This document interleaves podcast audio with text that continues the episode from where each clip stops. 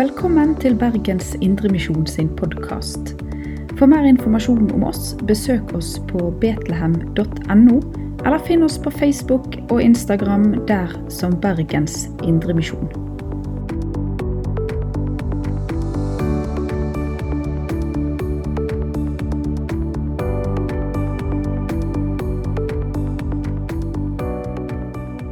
Tusen takk for eh, den gode invitasjonen til å få være sammen med dere i Betlehem.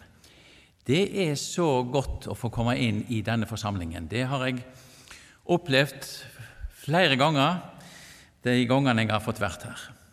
Det er en gave å oppleve å bli inkludert, tatt med i fellesskapet, og at her er mennesker som ønsker å lytte til Guds ord.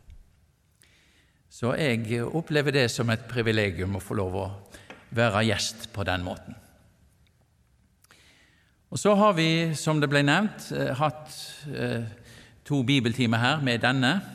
Vi hadde en for 14 dager siden, og så er det i dag, med overskriften 'I sjelesorg hos Jesus'. Der vi stanser for hvordan Jesus møtte eh, ulike mennesker i ulike livssituasjoner, der de var, og slik som de hadde det. Og akkurat slik er det han òg vil møte oss, og gjennom oss møte andre med den samme omsorgen.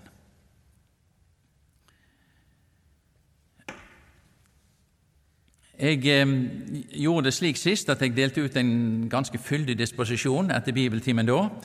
Og for dere som ikke var der og har lyst til å ha den med, så ligger den på det bordet her framme. Ehm, og jeg tenker jeg gjør noe tilsvarende i, i, dag. Det er en litt kort, enkel disposisjon med hovedpunktene og skrifthenvisninger.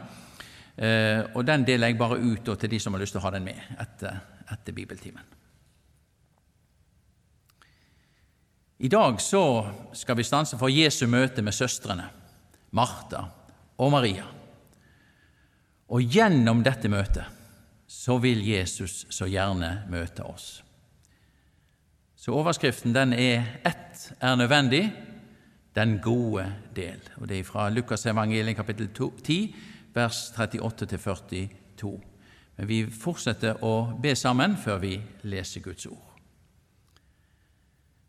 Takk, gode Herre Jesus Kristus, for det du minner oss om nå allerede i dette møtet. Og takk for at du så gjerne vil møte oss den enkelte. Med all din nåde og omsorg, med din tydelighet og med det at du vil oss vel, Herre, både i dette livet og at vi skal nå det rike som du har i vente for oss, i det fullkomne Guds rike. Og så vet du hvordan vi har det, hva byrder vi måtte bære på, hva som er der hos oss. Kom til oss nå, Jesus. Ved din gode Hellige Ånd gjennom ditt eget ord åpner du våre hjerter du som står for døren og banker, som vi hørte, og ved din røst så kan du åpne vår dør når vi lytter til ditt ord. Stig inn iblant oss og gjør din gjerning med den enkelte av oss, Herre, i ditt navn. Amen.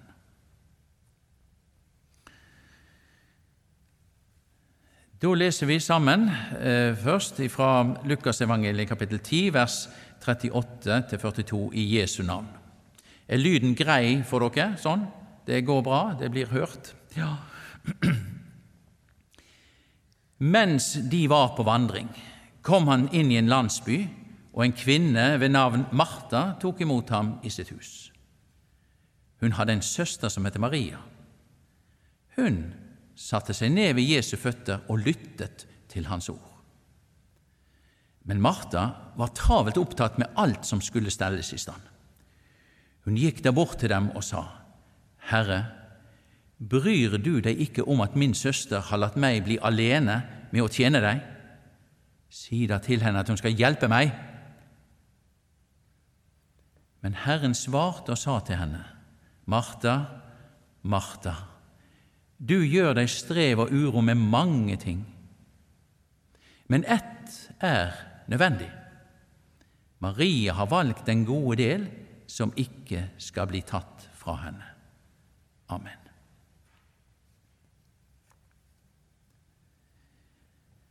I denne delen av eh, Lukasevangeliet som dette avsnittet er henta ifra, så handler det om det rette disippelsinn, eller den innstilling som vi som er i Jesu følge, skal få ha. Og dette avsnittet det, det, viser ikke bare hvordan det rette disippelsinn er, men det virker og skaper et slikt sinn i oss som tror på Jesus, så sant vi tar ordet til oss. Og Det er løftet og muligheten over det vi nå hører sammen fra Guds ord. Jesus er på vennebesøk i Betania hos sine tre nære og fortrolige venner. Martha, Maria og Lasarus. Og Disse tre søsknene de hadde et nært og godt forhold til Jesus og han til dem. Det står i Johannes 11,5 Jesus elsket Martha og hennes søster Maria og Lasarus. Han blir da hjertelig og godt tatt imot av Martha. Og Trolig så er han her sammen med sine tolv disipler. Det sto i det første verset vi leste, vers 38. Mens de, og det viser nok til Jesus med de som var i hans følge, var på vandring, kom han inn i en landsby. Og Jesus blir da med hele sitt følge gjestfritt tatt imot og gjort ære på i heimen. Men hva skjer så? Maria satte seg ned ved Jesu føtter og lyttet til hans ord. Nå var Jesus kommet, og da var det viktigste av alt å stanse opp, sette seg ned og lytte til hva han ville legge dem på hjertet. Nå var det egentlig ganske uvanlig at ei kvinne skulle sitte slik ved lærerens, rabbiens, føtter. Det var bare egentlig mennene og guttene sin plass, det, ifra sjuårsalderen.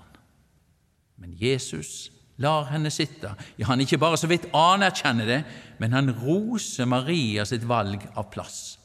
Den er faktisk forbilledlig for oss alle. Og Jeg ser dette her for meg. Det er, det er som å lese eller ha hendene i ei spennende bok. Noen ser bare på utsiden og utsetter å lese. Ser på tittelen og sånn, og så legger den bort. Den skal jeg ta igjen seinere. Men de som begynner å lese, og leser mer, har vanskelig for å legge boka ifra seg. Og slik var det tydeligvis for Maria når hun begynte å lytte til Jesu ord. Martha, derimot, var travelt opptatt med alt som skulle stelles i stand, står det. Og så bra, og så viktig. Hun var opptatt med å tjene Jesus. Det var viktigere enn noe annet akkurat nå, i den situasjonen. Hun så nok at hun trengte Jesu ord, men hun så samtidig på alt annet og blir dradd imot nettopp dette, som skal ordnes, som skal legges til rettes i forbindelse med måltid og samvær. Skulle vi oversette den setningen ganske så nøyaktig fra grunnteksten uten at det blir godt språk av det, så når det står Martha var travelt opptatt med alt som skulle stelles i stand, så står det egentlig 'hun rettet øynene til alle sider, opptatt omkring med de mange tjenester'. Altså, Martha sin var trukket i mange retninger ved å tjene Han, kunne vi si. Det minner meg veldig om Albert Aaberg. Jeg vet ikke om dere husker han? Det var barne-TV på 90-tallet. Da eh, var de to eldste barna mine, da var det de i barne-TV-alder. Albert Aaberg, han som bodde, seksåringen som bodde hos pappaen sin. Og der pappaen har stor omsorg for han og sier at 'nå er middagen ferdig, nå må du komme og spise'. 'Ja, pappa'. Og Så roper han igjen. 'Nå er det klart, nå må du komme'. 'Ja, pappa, jeg kommer', Jeg skal bare først. Og på veien til eh, spisebordet så ser han den leiken som skal settes opp i det skapet, noe som skal trekkes opp, ei bok som han må kikke litt mer i, noen farger som ikke er helt på plass, osv. Det er mange ting som tar oppmerksomheten, og som gjør at han he hele tiden må si 'jeg skal bare', men han har som mål å komme til middag. Det er ikke det. Martha hun ser i alt dette hun har øynene rettet mot, som skal nå på plass når Jesus med sitt følge er kommet. Hun ser samtidig Maria bare bli sittende der ved Jesu føtter, mens hun sjøl, som det står i bibeloversettelsen av 1930, hadde det meget travelt med å tjene ham. Hvordan kan Maria tillate seg det, å bare sitte der, når de har fått en slik gjest i huset? Har hun ikke ansvarsfølelse? Ser hun ikke at Martha står alene med alt arbeidet, alt som skal stelles i stand? Og til slutt så koker det over, eller brister det for henne. Og det er ikke noe minus at det gjør akkurat det. For det åpner egentlig for at Jesus kan nå inn til henne med sin sjeleomsorg og sin gode påminning. Og Martha hun henvender seg nå til Jesus. Så han ja, da kunne si et myndig ord til søstera når ikke hun vil høre på henne, og få henne i bevegelse, bokstavelig talt. Og Samtidig er det som å halvt bebreide Jesus, som kan tillate Maria bare å bli sittende der ved hans føtter mens Martha strever alene. Det er jo Jesus hun strever for. Herre, sier hun, Bryr du deg ikke om at min søster lar meg bli alene om å tjene deg? Si da til henne at hun skal hjelpe meg. Martha hun er så ærlig, hun er så ekte, og hun mener det så oppriktig med hele sin tjeneste for Jesus. Og Nå venter hun nok òg å få medhold av Jesus. Kanskje også en unnskyldning for at han har oppholdt Maria så lenge mens Martha alene prøver å ordne i stand for han. Ja, selvfølgelig, sier Jesus.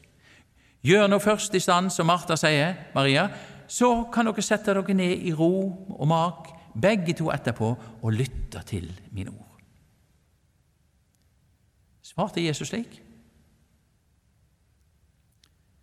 Nei. Jesus svar blei ikke slik Martha gjerne hadde tenkt.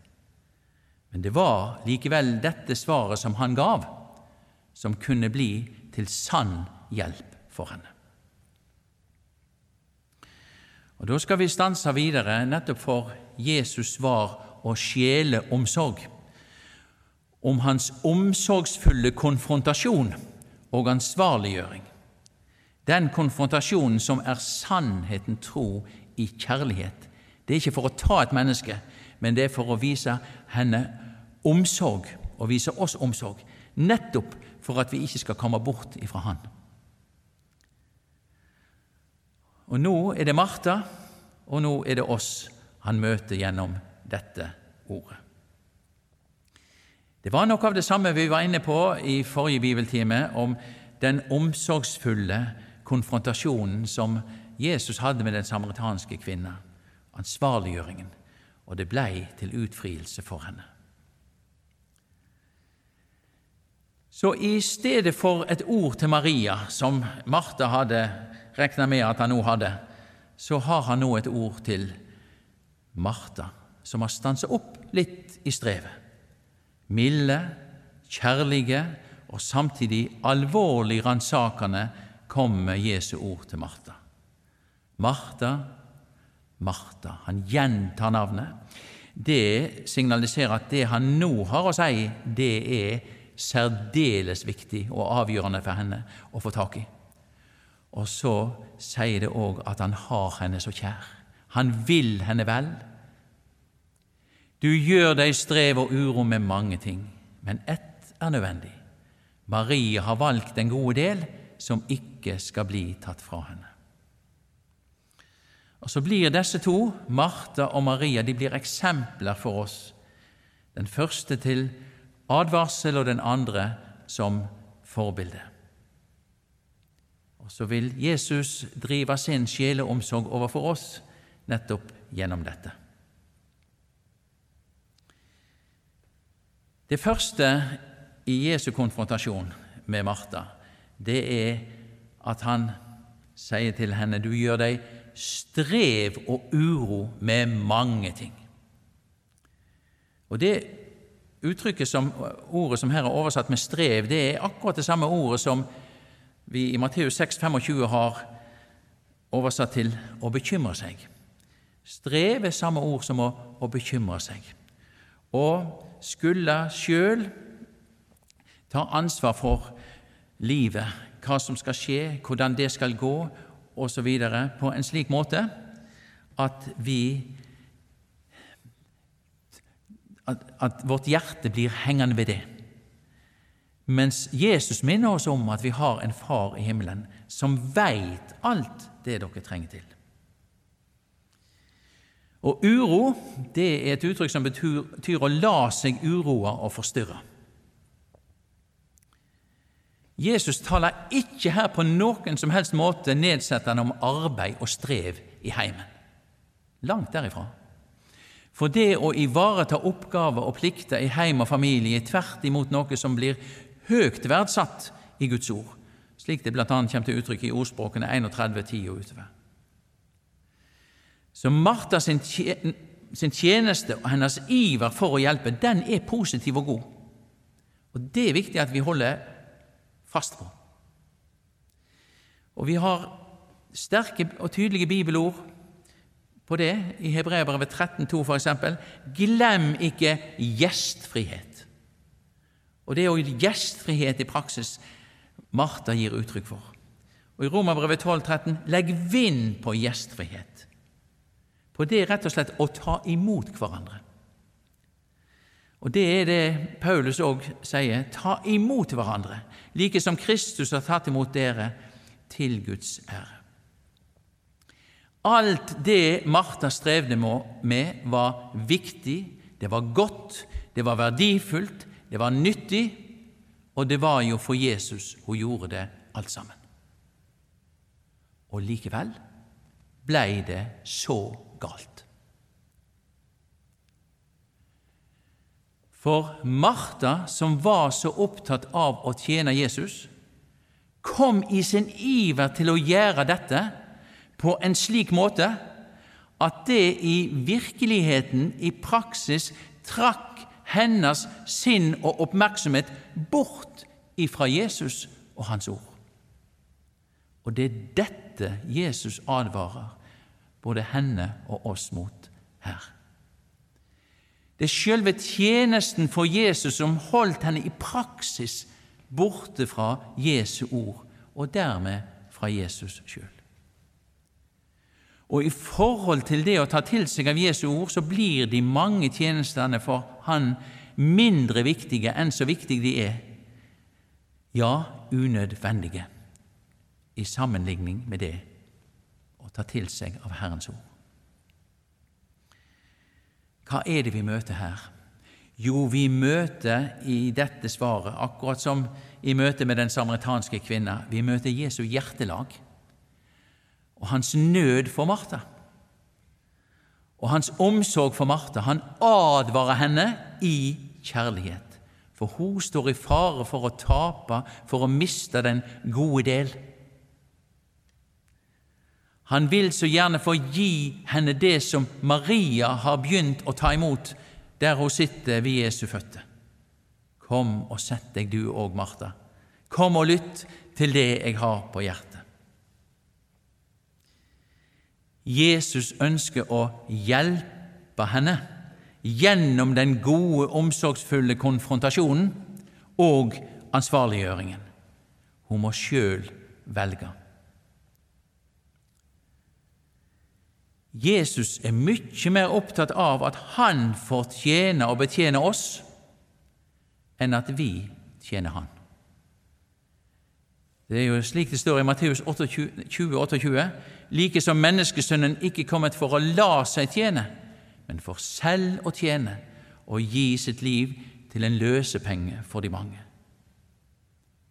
Ved sin soningsdød og stedfortredende lidelse og død på korset, sin seierrike oppstandelse, så har han kjøpt oss fri fra syndens skyld og makt og Satans og dødens herredømme, og gitt oss del i barnekår hos Gud.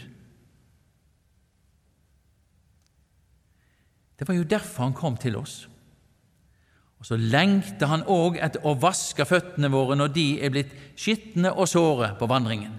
La oss få tømme ut våre bekymringer, våre frustrasjoner, vår nød og vårt strev og vår sorg. Som det står i Salme 62, vers 9.: Sett deres lit til ham til enhver tid, dere folk. Utøs deres hjerte for hans åsyn. Gud er vår tilflukt.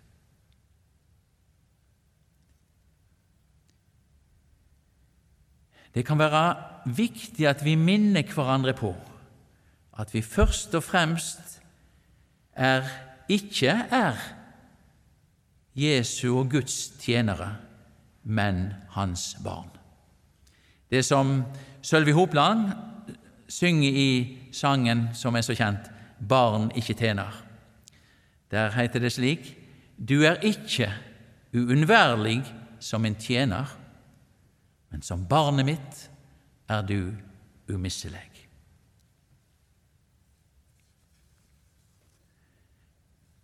Og så fortsetter Jesus.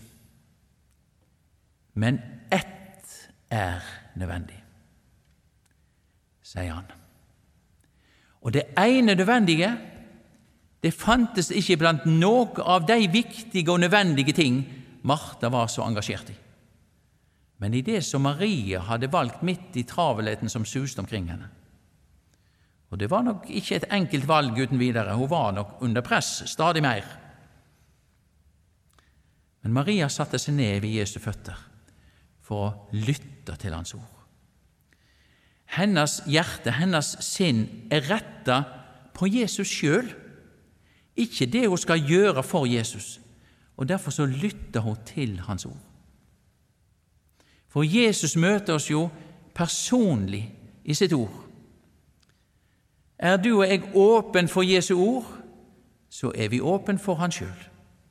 Og blir vi dratt bort ifra Hans ord, enda så bra det er det vi holder på med, hva det enn er, blir, fører det til at vi blir dratt bort ifra Hans ord i praksis, ja, så blir vi også gjerne umerkelig tråkket bort, dratt bort fra Jesus sjøl. Derfor kan vi gjerne tenke litt med oss sjøl.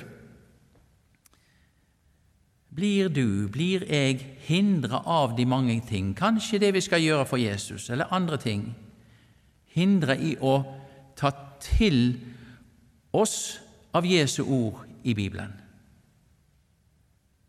Er Guds ord vår gode del, vårt hjertes skatt, vårt høgste gode, eller er det det som i praksis gjerne blir salderingsposten? For da kan det skje at vi venner oss til å omgå Guds ord uten å Altså ved at vi hører det. Jo, vi hører det uten å ta det til oss. Og så kan vi på den måten være med å hindre ordets gjerning i og med vårt liv. Den betydningen Jesus har for oss, det er egentlig den betydningen Hans ord har for oss.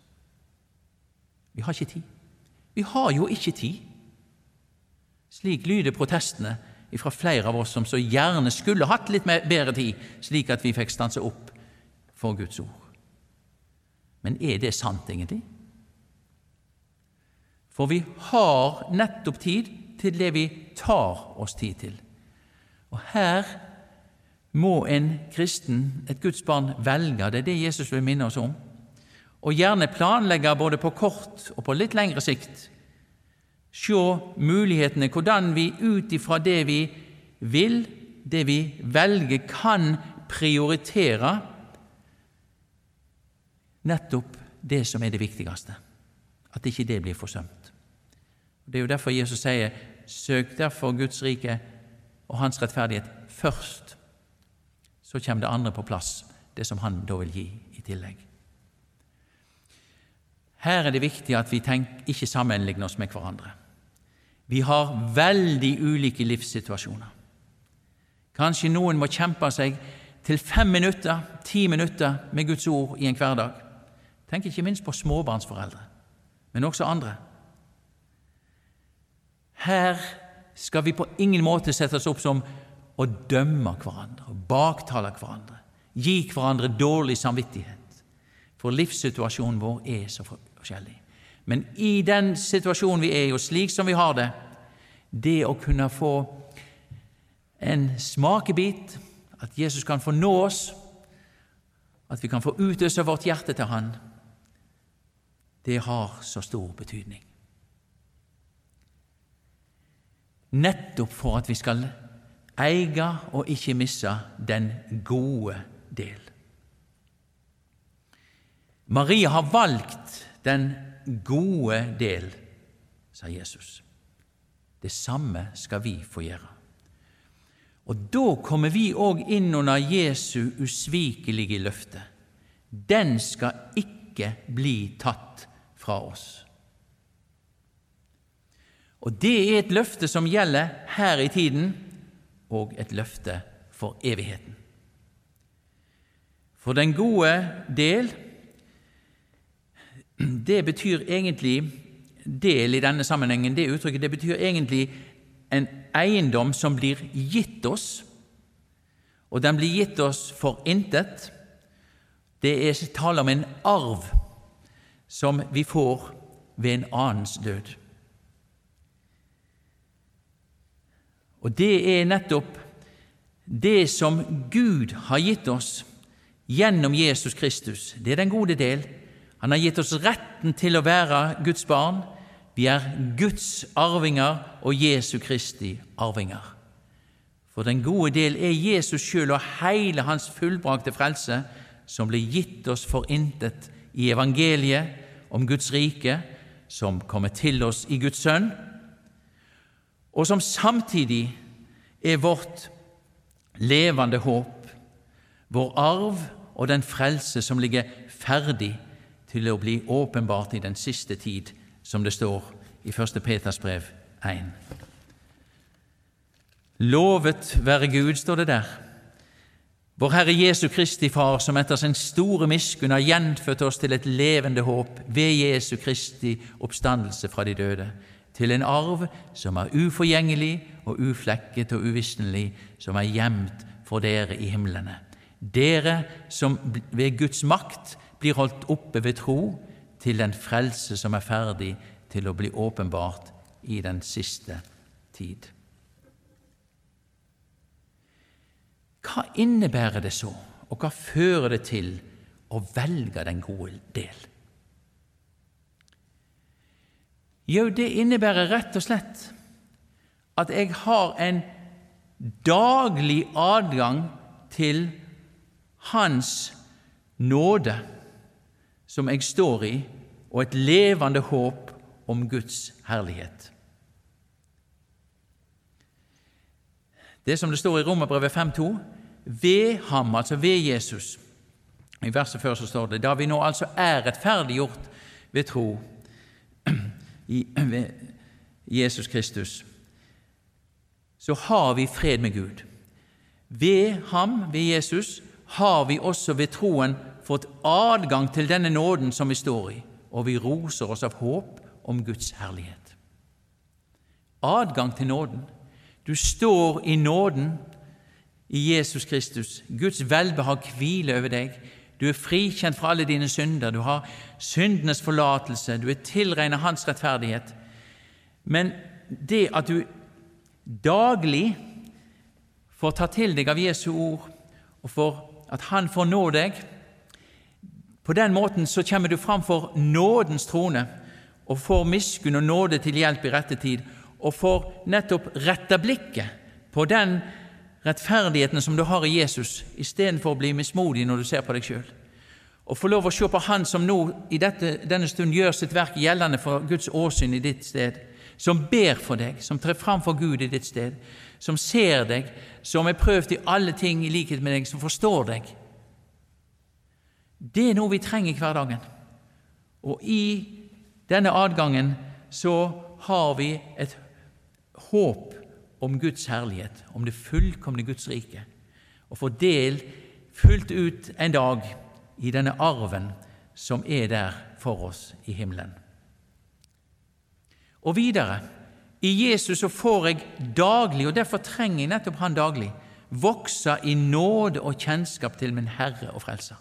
Og bli rotfesta og grunnfesta i Han nettopp ved at Han får nås meg gjennom sitt ord og på den måten ved sin ånd, så han kan få utfolde det nye livet i mitt liv, så andre mennesker kan få bli nådd av Han gjennom mine øyne, ører, hender. Dette livet som jeg nettopp har fått ved troen på Jesus. Han bor ved troen i mitt hjerte ved Den hellige ånd, som det står om i Efeserbrevet 3. Jeg trenger denne daglige adgangen til Hans nåde, som jeg står i hele tiden. Jeg trenger daglig å få vokse i nåde og kjennskap til Han. Og både for min egen del, men òg for at Han skal få nå ut gjennom meg til andre. Og Det betyr at i Jesus er jeg kjøpt fri til daglig å stille meg til Hans disposisjon med alt det jeg er og har, som det står i Romerbrevet 12, 1-2. For det er bare ved å bli i Jesus at Han blir i meg og bærer troens rike frukter i mitt liv. For uten meg, atskilt fra meg, betyr det, kan dere intet gjøre, sier Jesus i sin avskjedstale til sine disipler. Og Derfor så trenger jeg Jesu ord hver dag, slik at Jesus daglig får møte meg med nåden og sannheten, ja, med hele sin fylde. Og så er det noe merkelige greier. For begynner du og jeg å, å ta til oss av Jesu ord i hverdagen, så fører ikke det til latskap, som noen har tenkt, men nettopp til at ordet blir virksomt i deg. Det er et levende og virkekraftig ord. Det er Guds ånd for å gjøre sin gjerning. De ord som jeg har talt til dere, er ånd og er liv, sier Jesus. Det fører nettopp til at ordet blir virksomt i deg, og du blir et redskap for dette ordet ved daglig å tre fram for Jesus og stille deg til hans disposisjon. Og Det var jo det hele vår tjeneste og aktivitet skulle gå ut på, at andre mennesker fikk møte Jesus gjennom oss, at vi fikk være redskap for Guds ord. Og Da kan det godt hende at du får merke hvor drøy tiden kan bli, egentlig. Hvordan Gud kan legge ting til rette i hverdagen på en måte du ikke hadde tenkt deg, for du tenkte at det må du ha på plass først, og det må du ha på plass først. Og ufortjent gi deg det du trenger til for å gjøre det Han ser er nødvendig å få gjort. For ved nådens trone så får du, som det står i Hebreabrevet 4, både miskunn og nåde til hjelp i rette tid. Du får for intet det du trenger når du trenger det, både som Guds barn og menneske. Og Da blir det ikke dette stresset som driver, men Guds nåde, slik jeg daglig får møte den i ordet om Jesus. Jeg syns det står et sånt flott vers i 2. Korinterbrev 9,8 i den sammenhengen. Og Gud er mektig til å gi dere all nåde i rikelig mål, for at dere alltid og i alle ting kan ha alt det dere trenger til, og ha overflod til all god gjerning, som skrevet er, han strødde ut han gav de fattige. Hans rettferdighet blir til evig tid. Han gir oss alt det vi ikke har ut ifra våre forutsetninger. Det gir han oss, og vi er avhengig av nettopp å få det ifra Han. Så det å være stille for Guds ord, som vi òg ble minnet om til å begynne med her, åpningen, det er på den måten ikke bare nødvendig for vårt eget gudsforhold, men nettopp også for tjenesten, for det å tjene Jesus. For velger du den gode del og går inn for å være stille for Guds ord, ja, da er du egentlig alltid i tjeneste for Herren. Hvor du står, og hvor du går, og hva du enn taler om, så går det en innflytelse fra Jesus til dine omgivelser.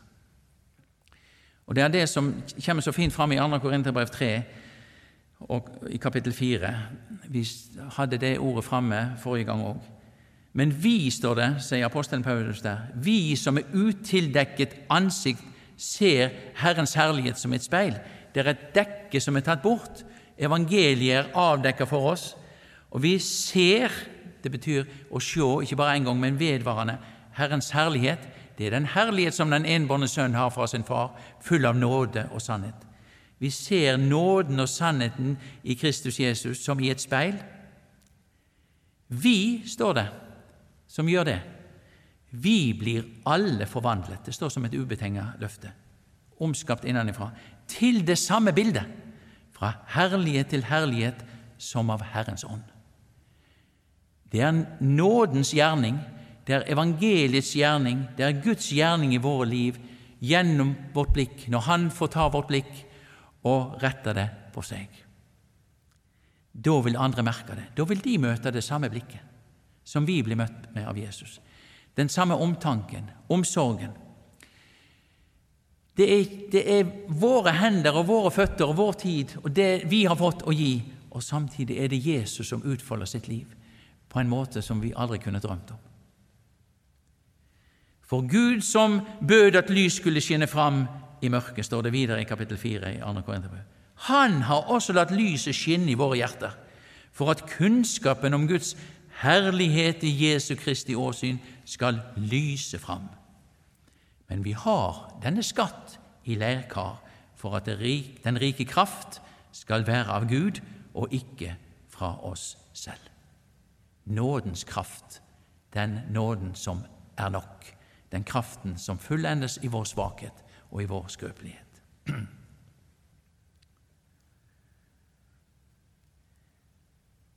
For når en kristen, når et Guds barn, gir seg tid med Guds ord, slik at ordet begynner å leve i han, i henne, da spirer og gror det åndelig talt rundt han og henne.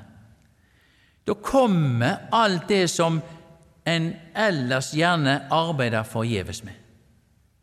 For det er ikke vi som skal bruke Guds ord, men det er Guds ord som skal bruke oss, nettopp når det får nå oss, når Guds ord får ta vår oppmerksomhet og vårt blikk, og vi kan få lytte til det, lese det, få det forkynt.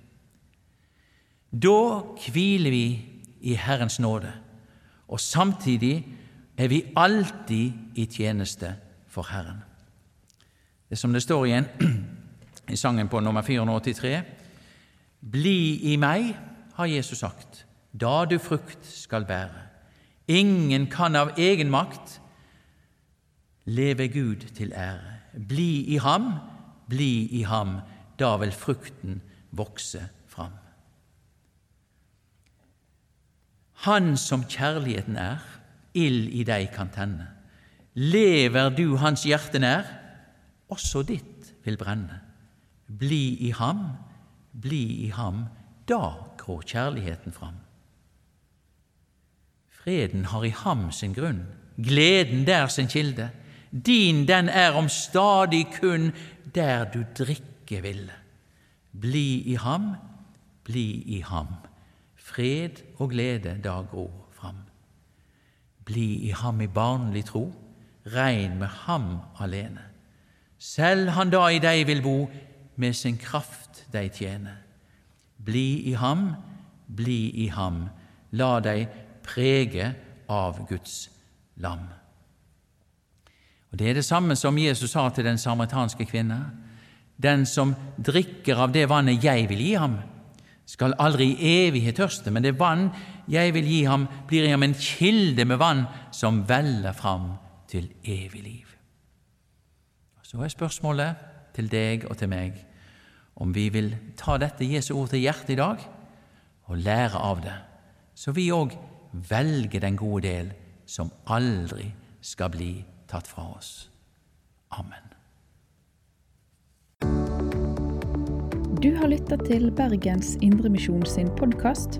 For mer informasjon om oss, besøk oss på betlehem.no, eller finn oss på Facebook og Instagram der som Bergens Indremisjon.